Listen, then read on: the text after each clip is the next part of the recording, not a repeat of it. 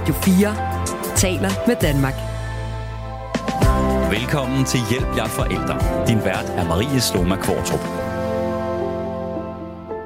Mere end hver tredje unge kvinde mellem 16 og 24 år har et skræntende mentalt helbred. Og det er et tal, der er steget stødt i mere end 10 år. Det viser tal fra rapporten Danskernes Sundhed, den nationale sundhedsprofil 2021, som blev offentliggjort tilbage i marts måned. Og i efteråret kom så resultaterne af en stor undersøgelse lavet af børns vilkår, som viser, at hver anden pige i 8. klasse ikke er glad for at være den, hun er, og har en lav grad af livstilfredshed. Og netop de unge piger er dem, vi skal tale om i dag. For hvad er det, der sker, siden de har det så svært? Hvordan forholder man sig som forældre, og hvor går man hen og får hjælp? Derfor kan jeg nu byde velkommen til Majbrit Bay, autoriseret psykolog og souschef i Girl Talk. En organisation, som arbejder for at forebygge mistrivsel blandt piger og unge kvinder. Velkommen til dig, Majbrit. Mange tak skal du have. Og velkommen til Hjælp, jeg er forælder. Jeg på en måde altid vidste, at jeg var til piger. Men jeg vidste ikke, at to piger kunne være kærester.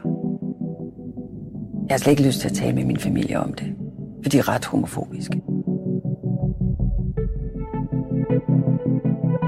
Jeg hader at spise.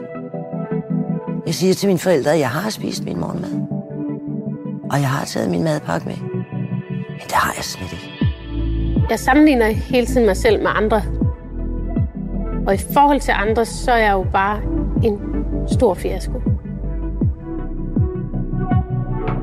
Jeg vil ikke dø, men jeg kan alligevel ikke lade være med at tænke på det. Jeg er bange for, hvad der sker i morgen. Jeg er bange for, hvad andre tænker om mig. Jeg er bange for, om jeg gør noget forkert. Jeg er bange for, om jeg er god nok. Jeg er bange for, at folk synes, jeg er underlig. Jeg er bange for, hvad der kommer til at ske. Jeg vil have de værste sygdomme i verden. Jeg vil have smerter til at dø. Jeg er dum. Jeg er grim. Jeg er ond. Jeg er fanget i mine tanker. Jeg er ikke en ven. Jeg er ikke en, nogen kan holde af. Jeg er ikke en, folk kan lide. Jeg er ikke en, der har en fremtid. Jeg er ikke en, der fortjener kærlighed.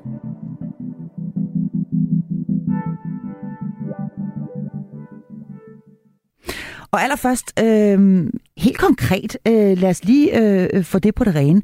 Hvad er det egentlig, I, I laver i Girl Talk?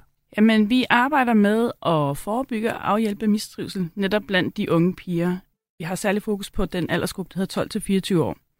Og det gør vi på mange forskellige måder. Øh, vi har blandt andet en unge rådgivning digitalt, hvor de øh, pigerne kan skrive ind øh, og få en samtale, få hjælp og støtte til det, som rører sig i deres liv, øh, og hvor de kan blive mødt på deres præmisser. Mm. Så har vi også øh, gruppeforløb, og vi gør rigtig meget på sociale medier også, og for at komme i tale med pigerne. Så vi prøver meget at være der, hvor de er, og tale ind i deres sprog og deres univers. Er det gratis øh, tilbud, I har? Det er øh, gratis tilbud, ja. Okay.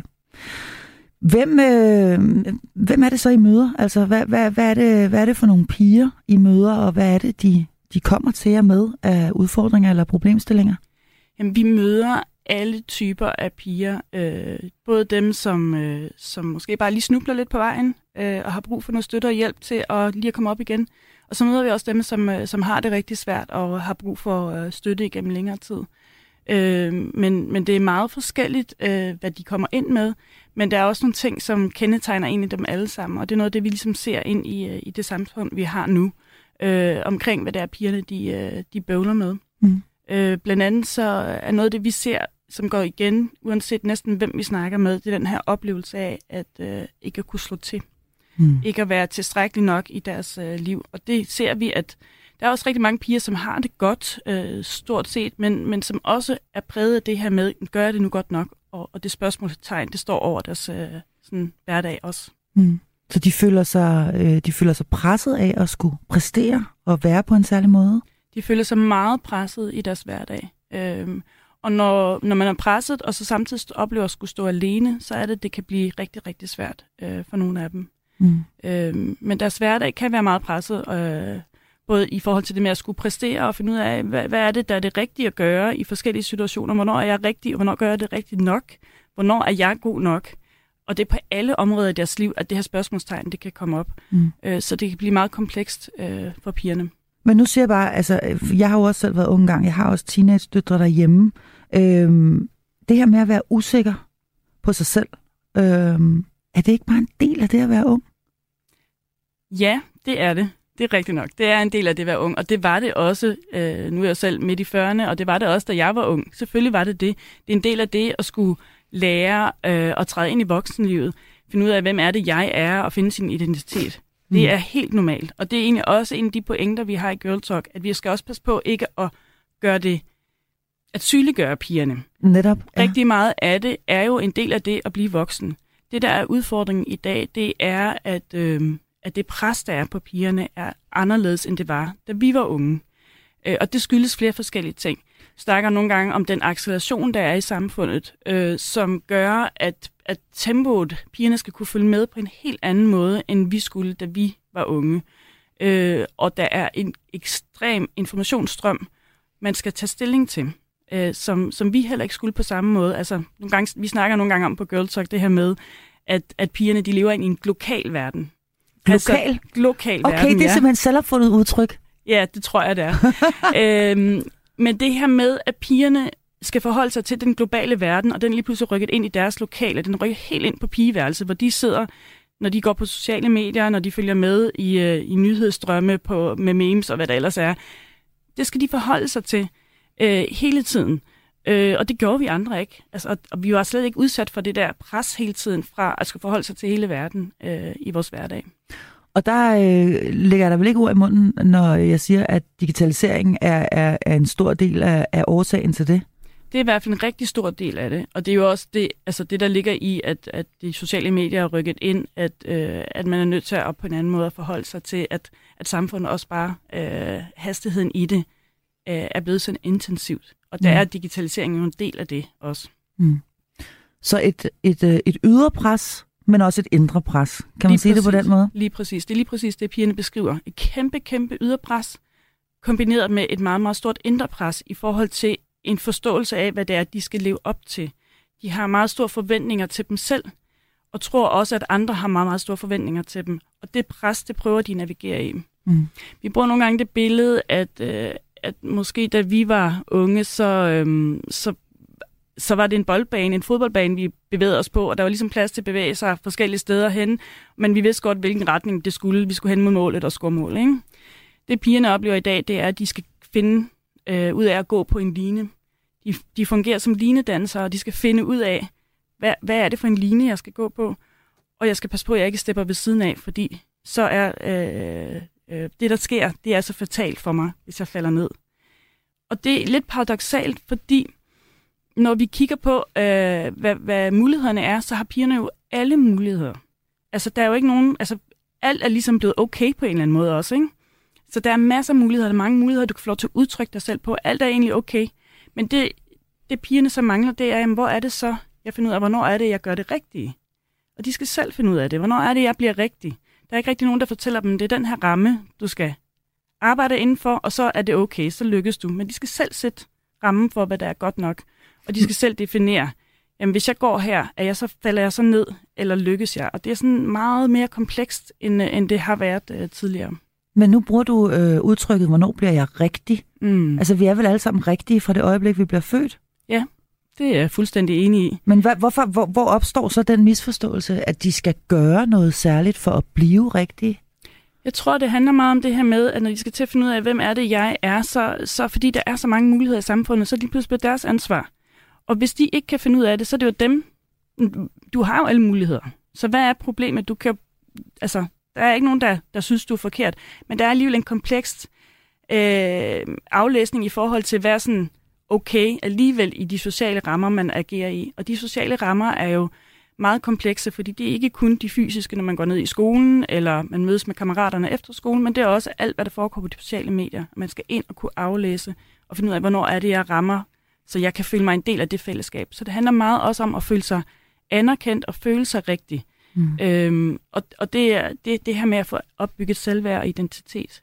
Men det vil sige, på den ene side set, så, så, så siger du, at, øh, at alt er tilladt på en eller anden måde. Man må Mm. næsten udtrykke sig, som man vil være, hvad man vil. Det er fint nok, hvis man, hvis man gerne vil have grønt hår, og det er fint at blive damefrisør. Det er også fint at blive, øh, øh, hvad ved jeg, rumforsker. Altså, alting er sådan set fint. Og på den anden side set, så oplever pigerne, at rammerne for normalitet er meget snævere Ja. i virkeligheden. Lige præcis. Hvordan hænger det sammen? Ja, det det, der er, øh, man kan sige, det er jo det er et paradoks. Ja. Men, men det er, at den her oplevelse af, at ja, alt er okay, normaliteten, ja, du kan være på alle mulige måder, men, men, men det er ikke, du er nødt til at tro på, at det du gør er det rigtige, før end at det bliver accepteret af andre også. Mm. Så have den der tro på det, øh, der har man rigtig meget brug for, at, at de fællesskaber, man er i, er anerkendende og støttende. Øh, fordi vi kan nemt lægge fokus på, jamen pigen, hun skal bare selv kunne tro på sig selv, men det afhænger også af, hvad det er for nogle sammenhænge, hun indgår i, øh, og hvordan bliver hun mødt i, når hun afprøver sig selv på forskellige måder. Og hvis hun får, får en fornemmelse af, at jamen, det bliver ikke helt accepteret, hvis jeg gør det her, så Mm. trækker hun lynhurtigt i land igen. Og tænker, jamen, så, så er det mig, der er noget galt med. Det må være mig, der er forkert, hvis, hvis jeg ikke lige bliver mødt på den måde. Hvis jeg lægger noget op på Facebook, eller det gør de så ikke, de lægger det på Instagram eller TikTok, ja, eller hvad de nu ja gør, ikke? Facebook er jo for os Ja, olding. lige præcis. Ja, ja. Men hvis de lægger noget op, og de så ikke får de likes, som de havde forventet, jamen så hiver de det jo ned igen. øh, fordi den der følelse af, jamen var det okay? Nej, for jeg fik ikke den der Anerkendelse. spejling fra de andre lige præcis, mm. at det var okay. Er Så- pigerne også hårde ved hinanden? Oplever du det? Fordi det, det, det, sådan husker jeg det i hvert fald selv, og det kan jeg da også igen se, øh, når, når jeg kigger på mine, mine egne døtre, at, at det er altså det, det er tough business øh, at være ung pige. De er hårde ved hinanden. De kan være rigtig, rigtig hårde ved hinanden. Det afhænger jo meget af, hvad, hvad det er for nogle øh, miljøer, de får bygget op sammen. Mm. Men de kan virkelig, virkelig være hårde. Og det vi ser er jo, at, at mobningen øh, generelt er faldende i Danmark, men udfordringen er, at den er mere intens, og den er 24-7. Så hvis man bliver udsat for noget i forhold til de sociale fællesskaber, så kan man ikke gå hjem og lukke døren og så sige, at det var bare over i skolen. Det er alle steder, hele tiden, og man kan få nogle rigtig, rigtig voldsomme oplevelser på, på de sociale medier Mhm i de her fællesskaber. Og det jeg i hvert fald også tænker på, og som vi også tit har talt om i programmet her, det er det her med, at netop det her, at, at, at, at de sociale ting, og de, øh, øh, det at være en del af et fællesskab, eller det ikke at være en del af et fællesskab, jo er noget, der er, er, er, er smasket lige op i hovedet øh, på de unge mennesker 24-7, fordi det fortsætter jo, og man kan jo se, når men nu er der gang i det og det, og nu, nu hører man lige, der er nogen, der har startet en eller anden snap-tråd, og man er ikke en del af det, og der foregår noget fest derovre, det kan man se, og der er man ikke inviteret med, og sådan noget. Så det kan også være enormt svært at lukke af for det, man ikke er en del af. Øhm, de her øh, fællesskaber, både online og offline, hvor meget, øh, hvor meget fylder de, og hvor, hvor stor betydning har de for, for, for de piger, I møder, altså når vi taler deres, øh, deres trivsel? Jamen, det er helt afgørende. Altså, når man når op i teenagealderen og, og, og ungdommen, så er det jo, at man begynder at slippe sine forældre, Præcis. og skal til at finde sig selv Ja. i nogle fællesskaber. Og det er jo der, man danner sin identitet. Selvfølgelig Mhm. gør man det også med baggrund i, hvad man har med sig hjemmefra, men det er rigtig meget de her fællesskaber, som også, får jeg en plads i verden? Har jeg lov til at være her? Har jeg lov til at fylde? Og noget af det, vi ser hos pigerne, det er, at de faktisk er rigtig bange for at fylde. De er bange for at gøre noget, som bliver afvist af andre. Afvisning er noget af det værste, man kan opleve i, i den her alder. Øh, så, så det er helt afgørende for deres trivsel, det er, at de oplever, at de er en del af et fællesskab. Altså afvisning og, og, og udelukkelse, gætter jeg på. Ja, altså det her med præcis. simpelthen ikke at være, være, være en del af, af- af festen. Ja. Okay, så er der jo altså også, fordi det er jo ganske rigtigt, som du siger, øh, det her det er piger, som er dem, vi beskæftiger med mellem øh, 20 og 12 og 24. Men det er jo, det er jo piger, som, som lige så stille bliver til kvinder. Det er piger, som også skal finde sig til rette i deres kroppe, i deres seksualitet og øh, begynde at, at, at have med, med kærlighed at gøre, slå sig på den, som vi alle sammen har gjort osv. Hvor meget fylder det, altså øh, det, det, det her med at, at blive en, en kvinde, som også skal have et kærlighedsliv? Det fylder rigtig meget. Ja, det kunne jeg forestille Ja, mig. det gør det. Når vi kigger på, hvad de kommer ind og taler med os om ind på rådgivning, så er altså udover det her med mistrivsel og de ting, der relaterer til det, øh, at være ensom og opleve det her pres og så Mm. videre, øh, meget angst taler de faktisk også tit om, så er det et andet stort emne, det er det her med relationer i forhold til øh, både kærester og venner, også mm. forældre. Øhm, det fylder enormt meget. Men også, hvem er jeg, og hvad, hvad tænker jeg om mig selv i forhold til det at skulle have en kæreste eller Ja. være forelsket. Ikke? Og vi kan jo også se i forhold til, hvilken alder de er, jamen så er det mere sådan noget, de helt sådan tidlige spædetegn, når de er i starten af teenageårene, mm. til når de bliver ældre, så bliver det lidt mere alvorlige ting omkring parforhold, og hvordan er man i øh, ja. et sundt parforhold og så videre. Ikke? Ja. Det fylder enormt meget. Og hvad med det, som, som, øh, som i hvert fald er et issue hjemme hos mig blandt mine teenagepiger, det her med at skulle være, altså, finde sig til rette i, i, i sin krop, og, og egentlig synes, at man ser fint nok ud, også selvom at man ikke ligner øh, Kylie Jenner. Ja, altså er det noget, noget, der fylder hos dem? Ja, det gør det. Noget, vi har lavet nogle undersøgelser på det, og det er en af de store ting, der dukker op, det er den her øh, kropsutilfredshed. Simpelthen at kigge på sin krop og tænke, jeg vil gerne have, at der var noget, der var anderledes. Præcis. Og det er som om, nogle gange, når vi sådan taler med pigerne, så er det, jamen, hvad er det, der skal være anderledes? Det er svært for dem helt at definere. Der er sådan et, et, et uopnåeligt ideal, mm. som, som det kan godt være, de øh, måske har noget, de er glade for på deres krop, men der vil altid være noget, de er utilfredse med, og det kan fylde enormt meget for dem, mm. øh, hvis, øh, hvis vi ikke kan hjælpe dem til at få fokus nogle andre steder. Ja, og vil i virkeligheden også være, altså nu du taler vi om den her store gryderet, som hedder mistrivsel, og som jo kan bestå af, af, af alle mulige forskellige ingredienser, selvfølgelig fuldstændig individuelt afhængig af, hvad det er for en, en pige eller ung kvinde, vi taler om. Men, men, men det her med kropsbevidsthed, og, og, og, og hvem er jeg, og er jeg rigtig, og øh, går jeg nu på den rigtige måde, øh, får jeg nogle likes, og ser jeg ud, som jeg skal, og er der nogen, der kan lide mig, eller bliver dørene lukket, osv., øhm, det hele handler jo i bund og grund rigtig meget om selvtillid og selvværd Mm. øh, og, Ja. og, og identitet i virkeligheden. Ja. Ja. Det de, de kæmper med, de unge piger. Ja. Og det vi sidder og taler om lige nu, øh, Majbet Bay, kan vi sige her, som jo altså er øh, sudchef i Girl Talk, en organisation, som arbejder for at forebygge mistrivsel blandt unge, unge piger og, og, og unge kvinder, øh, og også hjælpe dem, når de, øh, når de står der konkret og, og har det svært. Det vi prøver at tale om lige nu, det er, hvad der egentlig er nede i denne her gryderet, øh, og hvad det er, de møder. Relationer til, øh, til, til deres omverden fylder rigtig meget, siger du, øh, og særligt følelsen af ligesom at, at være forkert, eller ikke at være god nok. Mm. Men så sagde du også noget til mig, da vi talte øh, sammen forleden dag, nemlig det her med, at de ikke vil være en belastning. Ja. Øh, at de, de er bange for at, at komme til at, at gøre noget forkert simpelthen. Men de er rigtig bange for at, øh, at blive til besvær for andre og, og gøre andre kede af det, gøre andre vrede. De er meget bange for andres reaktioner, og det gælder både deres øh, venskaber, at, øh, at hvis der er nogen, der har brug for et eller andet fra dem, jamen, så er de nødt til at levere det, selvom det måske går ud over, hvad de selv har brug for.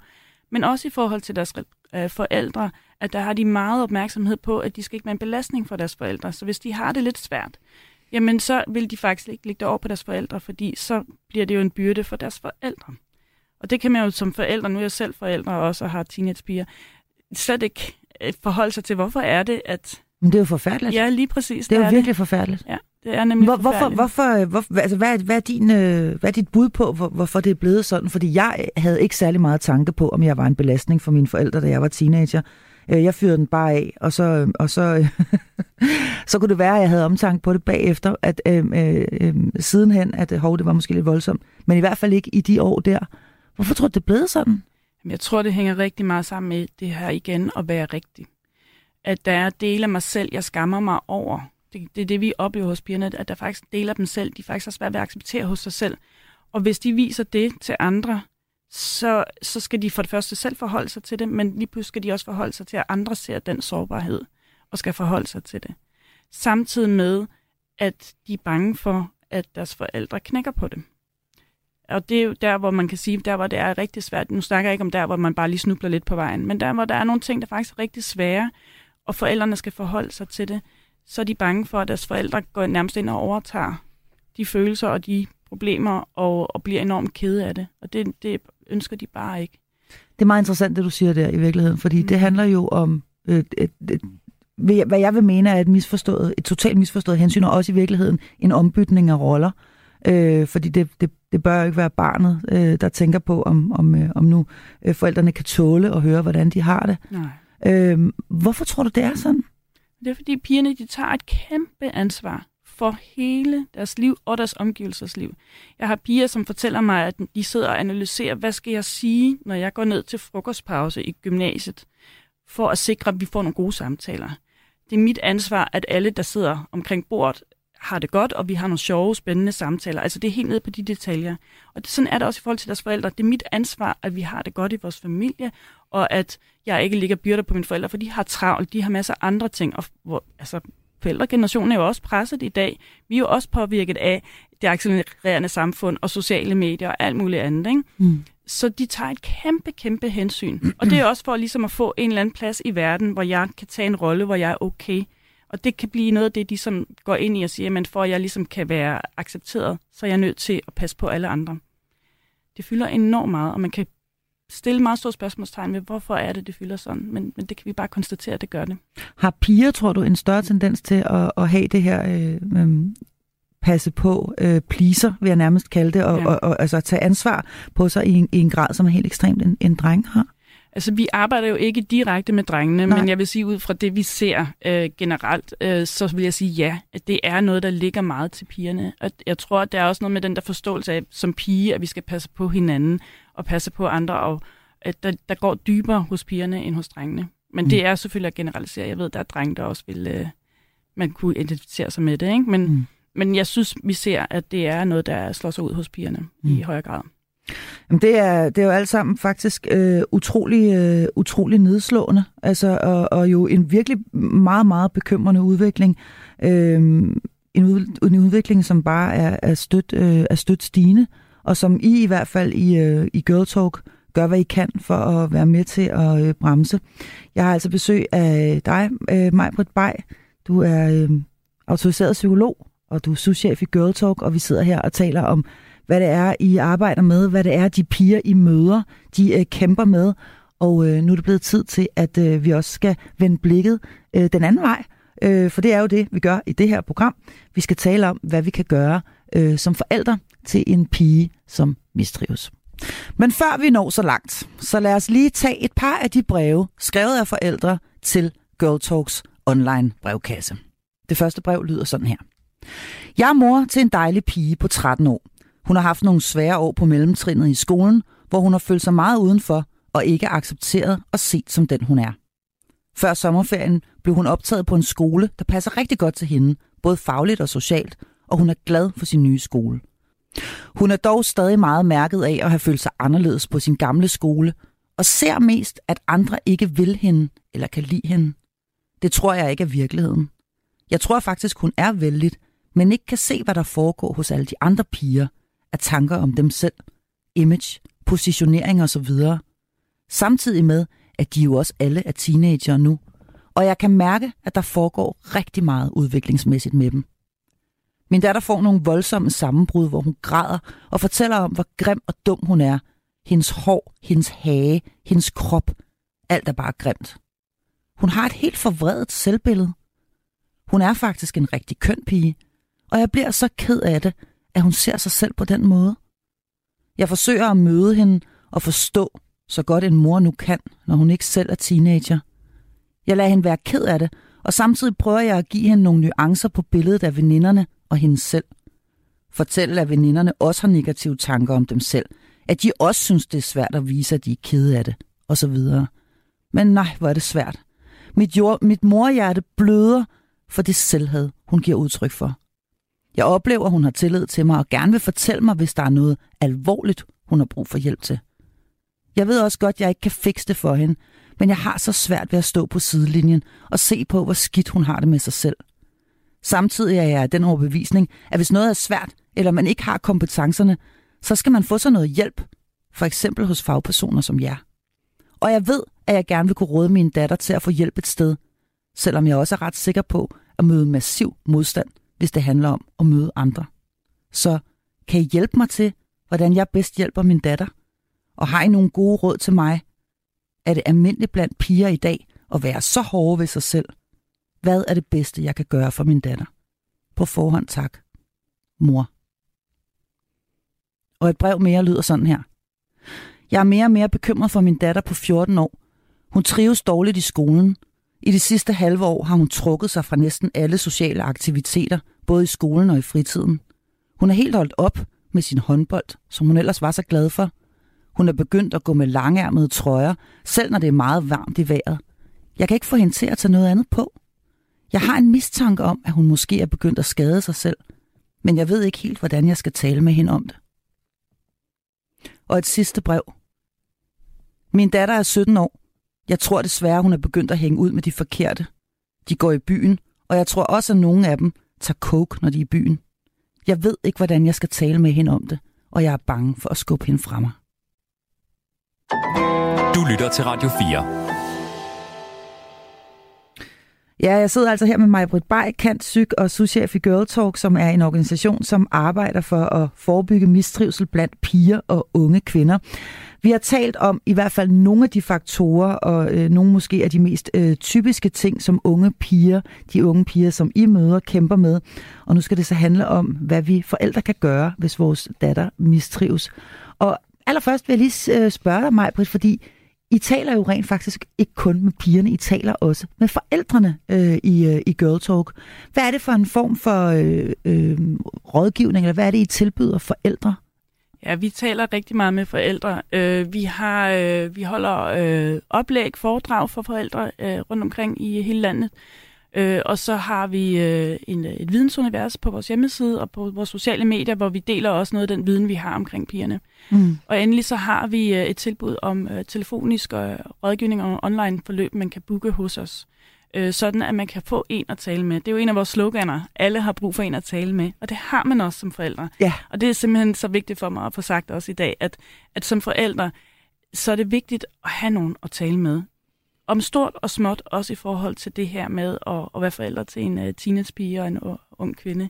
Fordi der er, der er ting, som, uh, som man måske kan stå alene med, og det, det skal man ikke. Nej, og det er, jeg er så enig, og, og det er der ikke nogen, der, det er der ikke nogen, der skal stå uh, alene med. Og bekymringer, dem kommer vi jo ikke udenom. Men øh, bekymringer kan jo være i, øh, i forskellige grader, kan man sige. Man kan være en lille smule småbekymret og tænke, ah, hun har det sgu ikke helt godt, og hvad er det, der foregår? Og døren bliver måske lukket lidt rigeligt, eller smækket lidt rigeligt, eller hvad det nu kan være. Øh, og så er der jo altså de her bekymringer, som, sådan, som man simpelthen ikke rigtig kan sidde og overhøre, hvor man næsten ikke kan være i sin egen krop, fordi man simpelthen kan se, at ens øh, datter lider øh, og har det rigtig, rigtig dårligt. Øhm, hvis nu vi skal prøve at tale til, til, til forældre i, i de forskellige øh, stadier af bekymring, hvis man kan sige det sådan, øhm, hvad, hvad, hvad vil du så mene, hvis man har de her øh, små bekymringer om sit barn? Hvordan, øh, og bare synes, ah, hun går bliver lidt indesluttet, eller jeg synes, hun er lidt, så skulle der et eller andet. Mm. Hvor, hvor, kan, hvor kan man gribe fat hen der, hvis det er der på skalaen, man befinder sig? Jamen, der tænker jeg, at det er rigtig vigtigt, at man tager udgangspunkt i den relation, man har til hende i, i forvejen, og så øh, tale med hende. Finde ud af, hvad rører der sig, hvad, hvad fylder, og nu ved jeg godt, det er nemmere sagt end gjort nogle gange. Ja, det er det. Det, ja. det er jo ikke sikkert, at hun ønsker at tale med dig. Nej, lige Nej. præcis. Øh, men der må man tage fat i den relation, man har, og bygge på den. Og så kan det godt være, at hun ikke gider at tale om, hvordan hun har det, men så tal om noget andet. Gør noget med hende. Øh, brug noget tid med hende. Investere. Og det siger jeg også med en opmærksomhed på, at vi som forældre jo også er travle. Men det at investere på den måde, det kan åbne øh, nogle døre, som måske ikke er åbne, hvis øh, vi ikke gør det. Okay, og hvad kunne det for eksempel være, hvis nu vi skal blive helt konkrete? Altså er det at gå ned i Netto og handle og gå hjem og ja. bage en bolle, eller hvad? Ja. Altså, altså, er vi helt dernede? Ja. Involver ja. hende i noget af det, du alligevel skal foretage dig. Uh, involver hende i noget af det, som hun, eller engagere dig i noget af det, hun interesserer for, sig for, uh, og bruge noget tid på det. Uh, fordi så kan man snige nogle af de der ting ind, og lige få en fornemmelse for, hvad er det, der rører sig, hvad handler det om. Uh, få skabt den der naturlige, uh, det naturlige rum, for at man kan tale sammen. Og det der med at gå en tur, for eksempel ned i Netto, er, er en god anledning til at, at få snakket om nogle ting. Hvad sker der i din, øh, hvordan, ja, hvad sker der i skolen? Hvad fylder hos dig? Hvad er du optaget af? Øhm, men hvis nu hun ikke vil det, altså fordi det, det, det, det tror jeg de fleste teenageforældre oplever, både med piger og drenge, at det, det de er altså ikke super interesserede i. Det vil jeg ikke, det er fint nok, og sådan noget, ikke? Og det gider jeg altså ikke at snakke om mor, og sådan noget, ikke? Øh, eller hvad man ellers kan få, øh, kan få kan blive spist af med. Ja. Øhm, så tal om noget andet. Ja, tal om noget, som de godt gider at snakke om så. Nu har jeg for eksempel en, en datter, som er meget optaget af koreansk popmusik. Det interesserer ikke mig sådan synderligt meget. Men jeg kan alle øh, navnene på, øh, på det band, hun er fan af, af, af de artister, der er der. Og det kan jeg, fordi det er den måde, jeg ligesom kan få en samtale med hende omkring nogle ting, øh, som hun er optaget af. Og ud fra det, jamen, så bliver der bare en, en kontakt, som gør, at der bliver, øh, det bliver nemmere at fortælle om de ting, som måske også øh, går lidt dybere. Øh, så det, altså, det, det kan lyde så banalt, men det er bare så afgørende og vigtigt, at vi giver os tid til at investere på den måde. Mm. Og så må vi også, og det er jo noget af det, som vi forældre, det er noget af det, vi skal lære af os, øh, når, vi, når vi får teenagebørn, at, at de er jo ved at blive selvstændige, og de, de har nogle grænser, og det er også vigtigt, at vi respekterer dem. Præcis. Og Ja. den balance, den er rigtig spændende, fordi samtidig med, at vi skal respektere deres grænser, så skal vi ikke acceptere, at de ikke vil relationen. Vi skal ville, vi skal blive ved med at investere og ville relationen, selvom vi respekterer deres grænser. Ja, og det er jo super interessant, det du siger der, fordi der føler jeg jo, at det er os forældre, der går på den der line, du beskrev så Ja. fint før, Ja. at, at pigerne de går på, og hele tiden er i risiko for at falde ned, og i øvrigt også ryger ned i tid og utid, det gør jeg i hvert fald. Lige præcis. Og Mm, det, ja. ja. det tænker jeg, det er en af de vigtige budskaber, jeg har med i dag også. Det er, at man skal ikke være den perfekte forælder. De findes ikke, eller jeg har i hvert fald ikke mødt dem endnu. Har du ikke? Nej, Nej. jeg, jeg Det- glæder mig til, hvis jeg en dag møder dem. Men... Ringer du ikke lige, hvis det er, du ja, finder en? skal jeg nok sige til. Det, der er helt afgørende, det er, at man også hviler i sig selv og siger, at jeg er en god nok forælder. Prøv at høre, når jeg prøver at engagere mig med min datter, så er det godt være, at jeg rammer ved siden af, og jeg fejler totalt i forhold til, hvad hun lige synes, hun havde brug for i det øjeblik. Men jeg holder fast. Så er man altså den gode nok forælder. At man bliver ved med at sige, at jeg vil min datter, også selvom at hun afviser mig, eller hun lukker døren, og hun ikke gider. Eller hun bliver enormt vred på en, Eller fordi det oplever man jo også, at de kan blive vand... Altså, jeg har lige haft en 18-årig, der udvandrede i to døgn, fordi hun synes, jeg var så latterlig. øh, og det var kun fordi hendes øh, søster kunne se, hvor hun befandt sig på Snap Map, øh, at jeg vidste, at øh, hun var to gader længere henne hos en, en, en veninde. Men, men, men man oplever jo også denne her enorme vrede, at de simpelthen bliver... Det var så også, fordi jeg stod fast på noget, som hun prøvede at, og absolut ikke synes, jeg skulle stå fast på. Øhm, men man oplever jo også den her enorme vrede. Ja. Øh, og man kan blive enormt bange for, om man har skadet relationen Ja. ved nu at trække en grænse, eller stå fast på noget, eller Ja, insistere på noget. Og der kan jeg jo trække nogle tråde op til det, at pigerne faktisk jo selv er bange for at gøre andre vrede. Det har vi altså også en tendens til måske som voksne nogle gange, at det der med at kunne være i andres vrede kan være rigtig svært. Ikke? Øh, men, men det er faktisk rigtig vigtigt, at vi tør at, at, at tale om vrede og give vrede plads. Vrede er ikke farligt i sig selv. Vrede fortæller os noget. Vrede er et signal om nogle ting, så vi skal lytte til den vrede. Så sige, hvorfor er det, hun bliver vred? Hvad er det, hun reagerer på? Og lytte til vores egen vrede, for vi kan jo også selv blive vrede som forældre. Og Oh, jeg ja. vil gerne være den første til at sige, at jeg kan sagtens finde på at råbe mine børn. Ja, jeg sagde det. Velkommen i klubben, Maja Jeg sagde det godt Ja, nok. jamen, du er ikke alene. Ja. Jeg bliver også vred på mine børn, og den vrede, den ejer jeg, og det tør jeg godt at stå ved. Mm. Øh, og de bliver vrede på mig, og det er helt okay. Det er ikke vreden, der er farlig. Det, det farlige, det er, hvis den bliver destruktiv på den måde, at det ødelægger relationen. Men Mm. vreden i sig selv ødelægger ikke destruktion, eller hvad hedder det, relationen. Det er måden, vi arbejder med den på. Vi skal jo ikke være vrede på den måde, at vi bare smider det hele over på vores datter og, og, og afviser hende. Så hvis man bliver vred og får sagt nogle ting, man fortryder, jamen så siger man undskyld, og så tager man fat i relationen igen. Ikke? Men, men det er okay at blive vred. Det er også okay at blive vred, hvis man får overskrevet sine grænser. Og det skal vi lære vores børn. Jeg tænker også en anden ting, når du siger det der, for det er faktisk en af mine egne sådan, personlige kæpheste, at det at vise vrede, vise følelser i det hele taget, og det, det er jo sorg, og det er, og det er vrede, og det er afmagt, og det er alt muligt forskelligt, det er jo også øh, en måde at vise dem på, at vi er hele mennesker. Og at det er i orden at være hele mennesker, og at vi faktisk er født rigtige. Altså, vi er rigtige, også selvom vi bliver vrede. Ja. Eller også selvom, at vi, der ryger en finger af panden, og vi kommer til at gøre et eller andet dumt. Ja, lige præcis. Vi skal ikke være bange for vores følelser. Og vi skal ikke være bange for, altså angstfølelsen er også en, vi kan være enormt bange for. Altså både vredesfølelsen, angstfølelsen, tristheden. Det er følelser, vi har, vi har jo alle sammen, men vi er bange for dem nogle gange, at, at de kommer til at blive for voldsomme. Følelserne i sig selv fortæller os ting, som vi skal bruge til noget. Når vi bliver vrede, eller når vi bliver kede af det, hvad er det så, der, der ligger bag ved det? Det er det, vi skal gå ind og kigge på, fordi vi kan bruge det til rigtig meget. Men følelsen i sig selv er aldrig farlig. Det er Mm. måden, hvordan vi arbejder med det på, øh, vi skal kigge på. Så i virkeligheden, så når nu vi taler til forældre, det er jo det, øh, jeg bruger det her program til, det er at tale med kloge mennesker som dig, øh, Majbrit Bay, om øh, hvordan pokker vi navigerer i øh, det her forældreskab i alle dets mange, mange forskellige faser og facetter. Så handler det rigtig meget om i virkeligheden også at ture være, og jeg hader det ord, men lad os kalde det autentisk i, øh, i, i forældrerollen. Altså simpelthen Mm. ture være os selv. Lige præcis. Det er faktisk en, rigtig, rigtig, en af mine rigtig vigtige pointer også, at du er nødt til at være dig selv. Du kan simpelthen ikke prøve at være noget andet. Du er nødt til at være dig med alt det, du er. Og det er den bedste rollemodel, du kan være for din datter, for det det, hun har brug for at lære. Det er også, det er okay at være dig. Det er okay ikke at lykkes i alting. Det er okay at være i tvivl om ting. Stille spørgsmålstegn ved ting. Også at træffe en beslutning og finde ud af, at det var måske ikke det rigtige valg, eller jeg var måske for skrab her, eller jeg var måske for eftergivende. Mm. Det vigtige er, at vi er de voksne i relationen.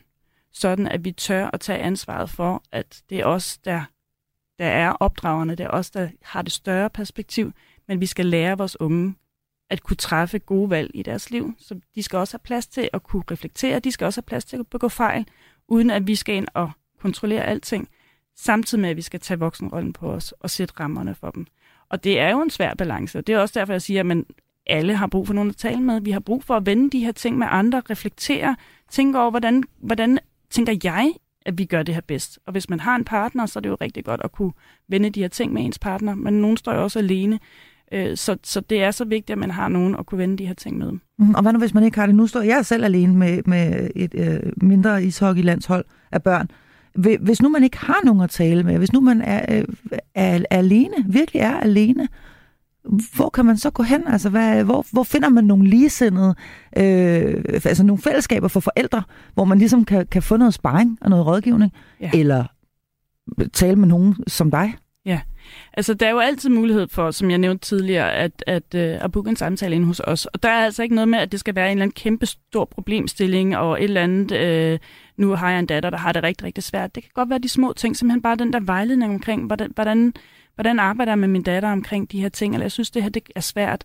Og, og så få en samtale med en, en erfaren, øh, frivillig øh, forældrerådgiver, som vi har inde hos os, som selv har teenagepiger og ved, hvad det vil sige at, og, øh, at stå i de her situationer. Mm. Men, men der findes jo også forældre nede i klassen, som står i de samme ting, så man kunne også tage initiativ til noget, hvis man har overskud til det, hvor man får skabt noget, hvor man kan snakke om de her ting.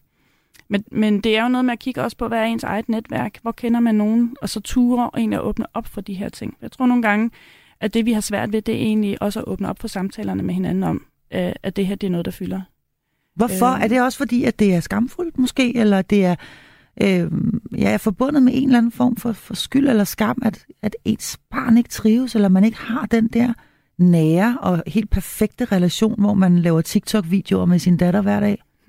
ja, det, det er en del af det, tænker jeg, at, øh, at øh, vi gerne vil fremstå, som mm. om, at vi har styr på det hele. Fordi det er sådan lidt, øh, så kan vi også bilde os selv ind, at vi har styr på det hele. Ikke? Mm. Øh, det er den ene af det, men jeg tror også, at der er noget travlhed i det, og det at vores øh, relationer bliver mere overfladiske. Så det er egentlig at have tiden til at komme så tæt på hinanden, at vi får et rum for at kunne åbne op. Det kræver en investering. Og det, det er en prioritering, at man skal gøre øh, i forhold til ens relationer og, og omgangskreds, at, øh, at skabe det rum. Mm. Og det kræver, at der er nogen, der tager initiativet og holder fast også. Og nu taler du om, det, det hører jeg faktisk, du vender tilbage til i, i, igen og igen, det her med, at vi har travlt, og mm. at, det, at, at, at man er nødt til at investere og ja. prioritere ja. Øh, sine relationer. Ja. Og selvfølgelig især sine relationer til sine børn. Øh, fordi der har vi jo øh, det helt store ansvar. Det, mm. det er der det allervigtigste ansvar, det, det ligger. Øh, rigtig, rigtig mange af os har jo vanvittigt dårlig samvittighed yeah. over, at vi netop ikke synes, vi er der nok. Yeah. Vi synes ikke, at vi har tid nok. Vi synes ikke, at vi øh, tilbyder det, vi i virkeligheden måske burde allermest, og så bliver det øh, måske lidt ekstra øh, overførsler på mobile pay, eller, ja. eller hvad det nu kan være, altså kompensationsadfærd, ja. som øh, jeg skal da også være den første til at sige, det kan jeg også i perioder øh, falde i, den der med at, nå, så får du lige de støvler der, skat, fordi jeg ved egentlig godt, at jeg ikke har, har måske har været der helt nok og sådan noget. Ja. Øhm, så der er jo mange ting nede, også i den gryderet her, der hedder øh, forældre til teenagebørn. Øhm, hvis man nu er en af dem, som bare er vanvittigt hårdt spændt for, ja. måske man er alene med sine børn, måske har man flere af dem, måske kæmper man på alle mulige andre parametre i livet og har andre ting at slås med, også ja. oven i øh, en, øh, en øh, teenage-datter, som, som ikke trives ordentligt. Øhm, hvad pokker gør man? Jeg tror, det er vigtigt at for det første at få lagt den dårlige samvittighed væk. Den hjælper ikke. Det, det får man ikke noget ud af man kigge på ens liv og så sige, hvor er det, jeg måske har mulighed for lige at lave den lille investering. Altså, måske er det bare nogle bitte små justeringer, der skal til, hvis man synes, at der skal mere, altså at man ikke gør det nok. Men det kunne jo også godt være, at man faktisk gjorde det. Øh, og det var nok det, man gør. Det, der også er vigtigt at huske på, det er, at vores øh, unge piger, de, øh, de kommer til at møde ting i livet, som er svære, og vi kan ikke tage det væk fra dem. Så når, øh, så, og det er rigtig vigtigt, at vi ikke prøver at tage det væk og tænker, nu skal jeg være den perfekte forælder, som sørger for, at jeg har en perfekt datter. Fordi så lægger vi den byrde over på hende. Vi er ikke perfekte, og vi er nødt til at forholde os til det liv, vi har, og så sige, hvad har jeg mulighed for at give? Og være der i det omfang, at vi har mulighed for. Det vigtigste er faktisk, at man investerer i sig selv, så man selv har det godt.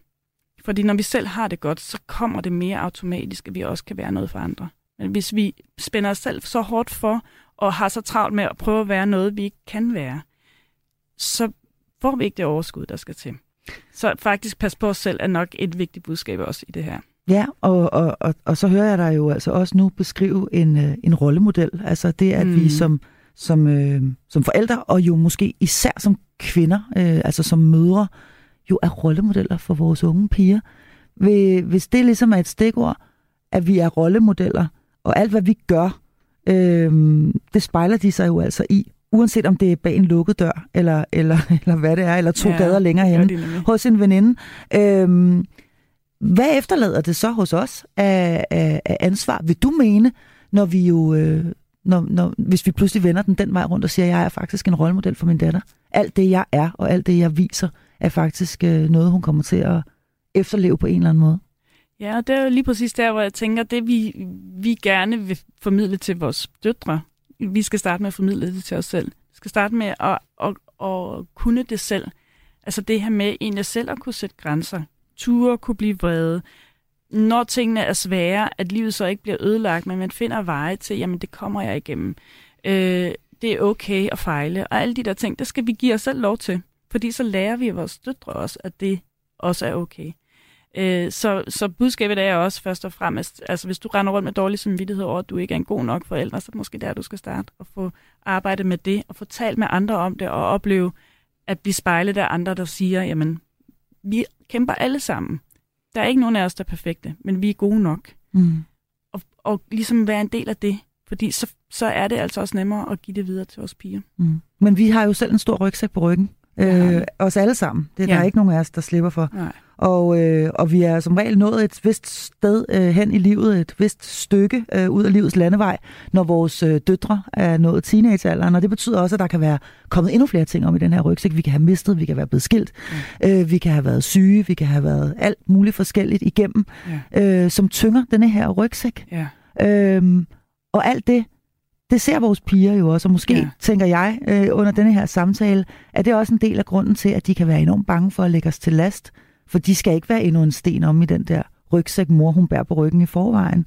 Øhm, hvordan, øh, hvordan griber vi det der an med, at, at vi måske har en periode, eller er i en fase af livet, hvor vi selv bare har det mega dårligt faktisk. Ja. Og så skal vi samtidig være noget for en pige, ja. som heller ikke har det nemt.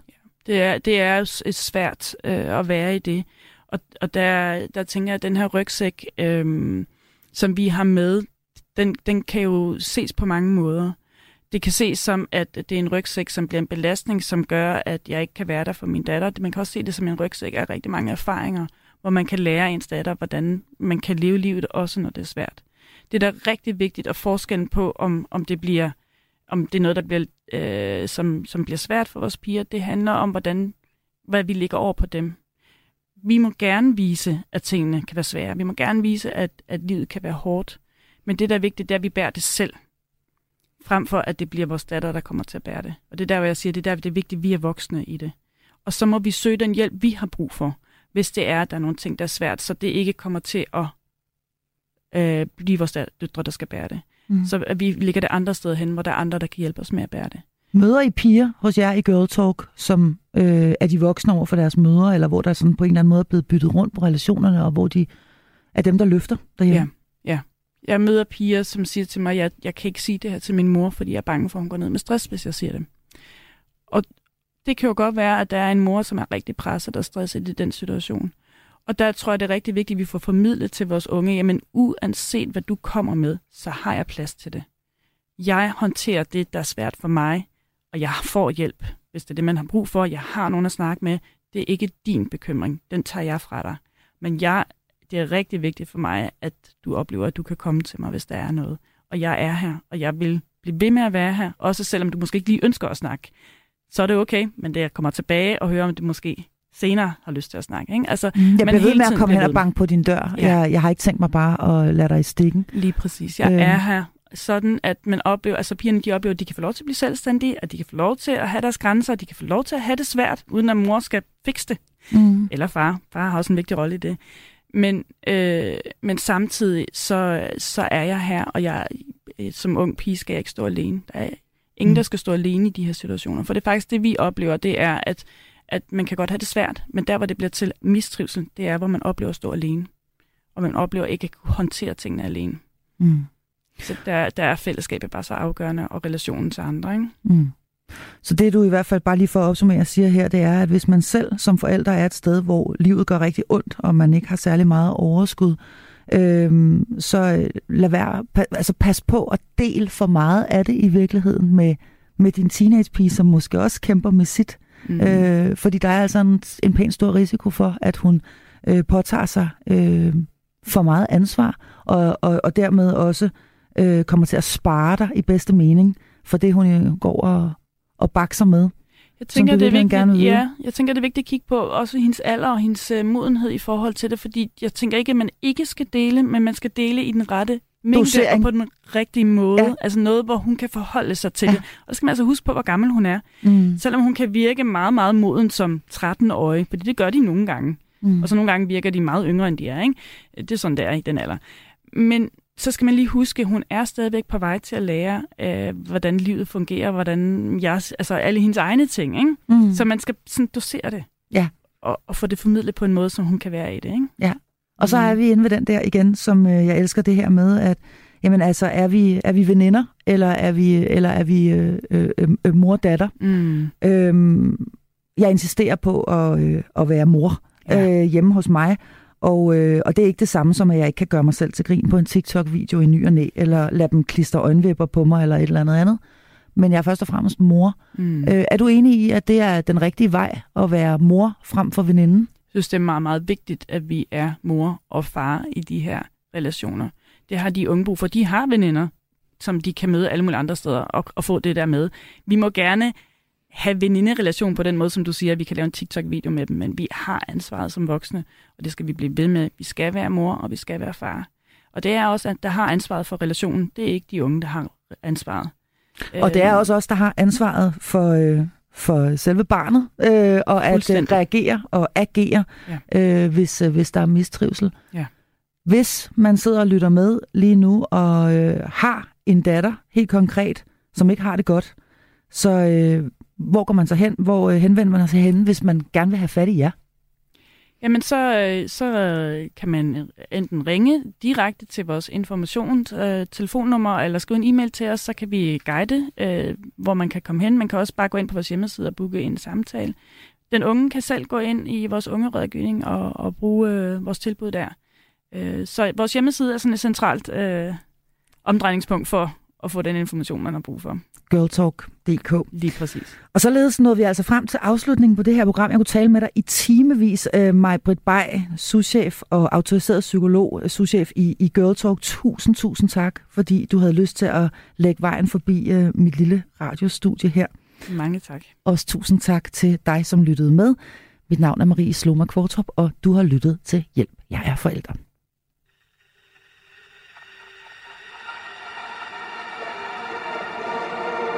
Måske jeg burde have en plan. Jeg tager det dag for dag. Jeg ved ikke hvad jeg laver. Der er folk der bygger rumraketter For dem er livet ikke meget lettere. Jeg har lige lært at gå på hænder. Jeg var et mirakel. For den dag Jeg blev fyldt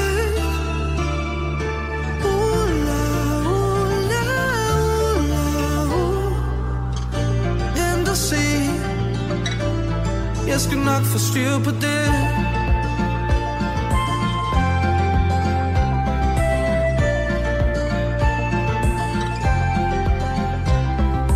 Jeg får karakter i morgen. Det kan kun være bedre end sidste år.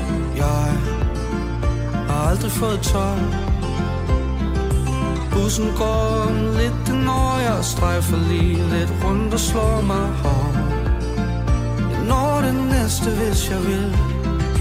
Jeg var et mirakel. Fra den dag, jeg blev født.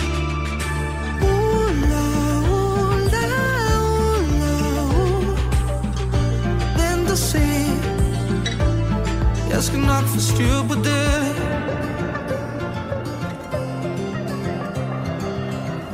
Gange tænker jeg Hvad skal verden med sådan en som mig Jeg ved ikke hvor jeg ender Prøver på at finde balancen Mens jeg ser på solen blive orange oh.